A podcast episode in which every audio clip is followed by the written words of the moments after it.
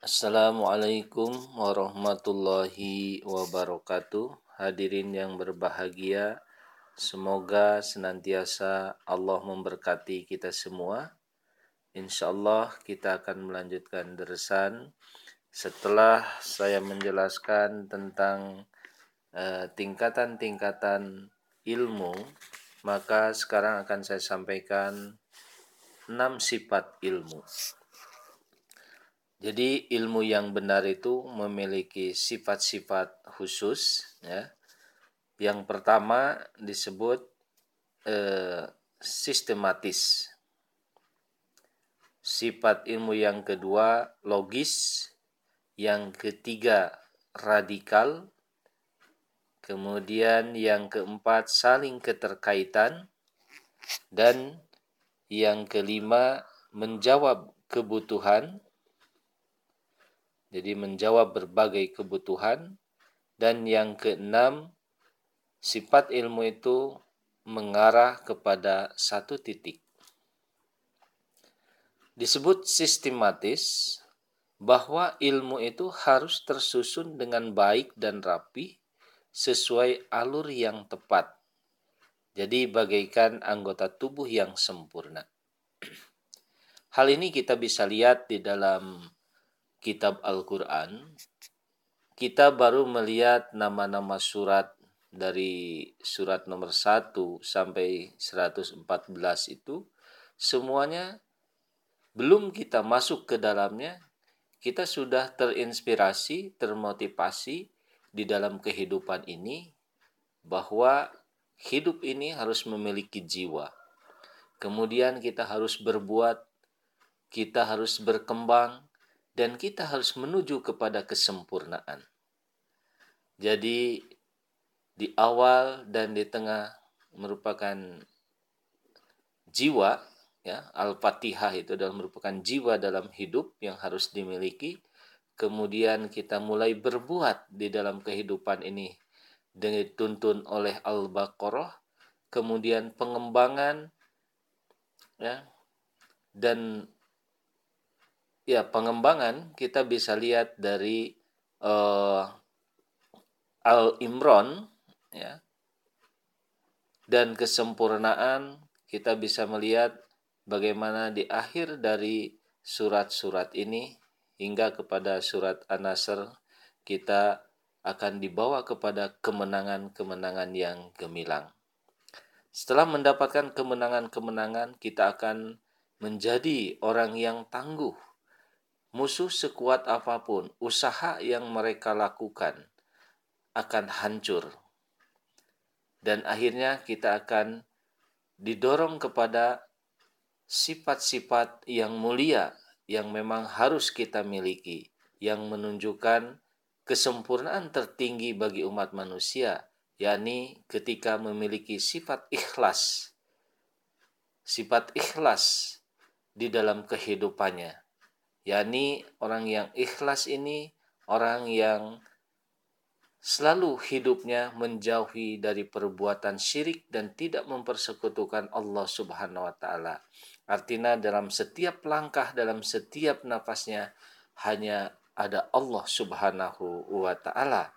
Sehingga dengan demikian kegelapan tidak akan menyentuhnya dan fitnahan-fitnahan bisikan-bisikan syaitan jin tidak akan mempengaruhinya sehingga ia akan menjadi orang yang tangguh jasmani ataupun secara rohani. Bagaimana kehidupan Rasulullah Shallallahu Alaihi Wasallam yang sudah memiliki keenam sifat ini dan melakukan apa yang difirmankan oleh Allah Ta'ala dalam Al-Quran.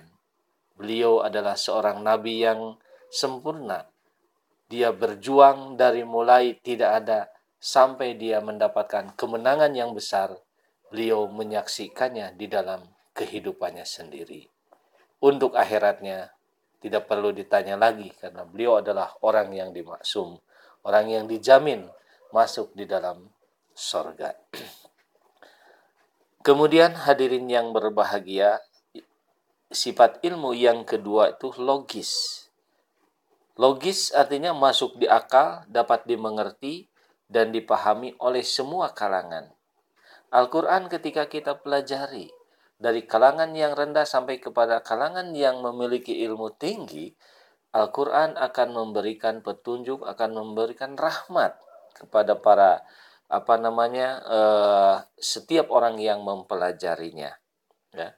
Kemudian radikal, radikal, jelas dan tegas, tidak ngambang dan tidak setengah-setengah. Ketabayana rusdu minal ghay. Jadi Al-Qur'an benar-benar ya. Jika salah dikatakan salah, jika benar dikatakan benar. Jadi semuanya sudah jelas ya.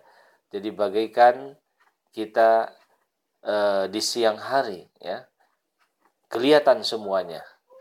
Jadi ketika kita membaca Al-Qur'an, mempelajari Al-Qur'an, kita kembali kepada Al-Qur'an di dalam segala urusan maka akan menjadi terang semuanya, akan menjadi jelas semuanya. Kemudian yang keempat, saling keterkaitan. Saling keterkaitan. Satu sama lain saling menjelaskan. Seperti anggota tubuh, saling berhubungan, ya, dan korelasinya tersebut tidak bisa dipisahkan. Jadi antara kepala, tangan, badan, kaki dan semuanya semuanya ada satu merupakan satu kesatuan. Nah, begitu juga ayat-ayat yang terkandung di dalam Al-Qur'an itu ya, untuk kita memahami isi kandungannya itu kita harus tahu itu bahwa satu ayat yang lain bisa ditafsirkan oleh ayat yang lain atau dijelaskan oleh ayat yang lainnya. Ya. Jadi saling keterkaitan. Kemudian yang kelima, menjawab berbagai kebutuhan. Seperti telah dijelaskan bahwa segala sesuatu itu diciptakan oleh Allah Subhanahu wa taala adalah untuk keperluan manusia. Jadi ilmu yang benar akan dapat berfaedah untuk kebutuhan manusia khususnya. Jadi Allah Ta'ala menciptakan manusia, dia diberikan kelebihan-kelebihan, ingin memiliki segala sesuatu, ya, maka sesuatunya itu Allah Ta'ala sudah menyediakannya. Nah, jadi bagi orang-orang yang mau mempelajari Al-Quran dengan benar, maka sebenarnya di dalam kehidupannya ini dia tidak akan apa namanya itu eh, tersesat dia akan dibawa kepada kebaikan oleh Al-Quran. Asal kita mau benar-benar mempelajarinya. Jadi setiap kebutuhan manusia sudah ada penjelasannya di dalam Al-Quran. Bagaimana kita harus melangkah, bagaimana kita harus hidup, apa yang kita harus lakukan di dalam kehidupan, apa yang harus kita tinggalkan di dalam kehidupan, dan seterusnya. Kemudian yang keenam, bahwa ilmu yang benar itu memiliki sifat mengarah kepada satu titik. Nah, setiap kita mempelajari keilmuan, keilmuan apa saja, maka dia akan dibawa kepada sang pemilik ilmu. Artinya, dengan mempelajari apa pun dengan keilmuan itu, maka ilmu itu akan menuntun umat manusia untuk mengenal sang haliknya. Allah Subhanahu wa taala. Jadi kalau orang mempelajari ilmu tapi tidak menemukan eh, sang penciptanya, berarti dia belum sampai. Ya. Dia belum sampai. Karena justru ilmu yang benar akan mengantarkan umat manusia kepada tingkat ma'rifatullah.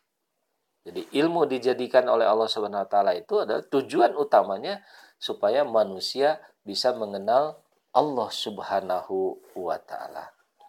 Jadi demikianlah hadirin yang berbahagia enam sifat ilmu ya. Jadi kita harus benar-benar memperhatikan hal ini dan untuk kepastiannya silahkan renungkan mutalaah Al-Qur'an. Apakah keenam sifat ini ada atau tidak? Jadi bisa dibuktikan oleh semua sistematis, logis, radikal, saling keterkaitan, menjawab berbagai kebutuhan, dan mengarah kepada satu titik. yakni kita akan dibawa untuk mengenal Allah Subhanahu wa taala dengan ilmu yang kita pelajari. Insya Allah besok akan disampaikan ciri khas ilmu yang benar. Mudah-mudahan Allah SWT senantiasa selalu memberkahi kita semua. Wabillahi taufiq wal hidayah. Wassalamualaikum warahmatullahi wabarakatuh.